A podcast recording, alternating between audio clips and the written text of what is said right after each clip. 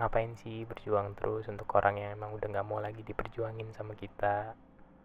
Ngapain gitu kita ngejar-ngejar orang yang emang udah jelas-jelas gak mau gitu sama kita?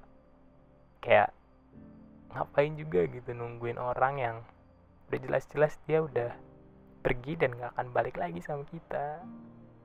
Ngapain?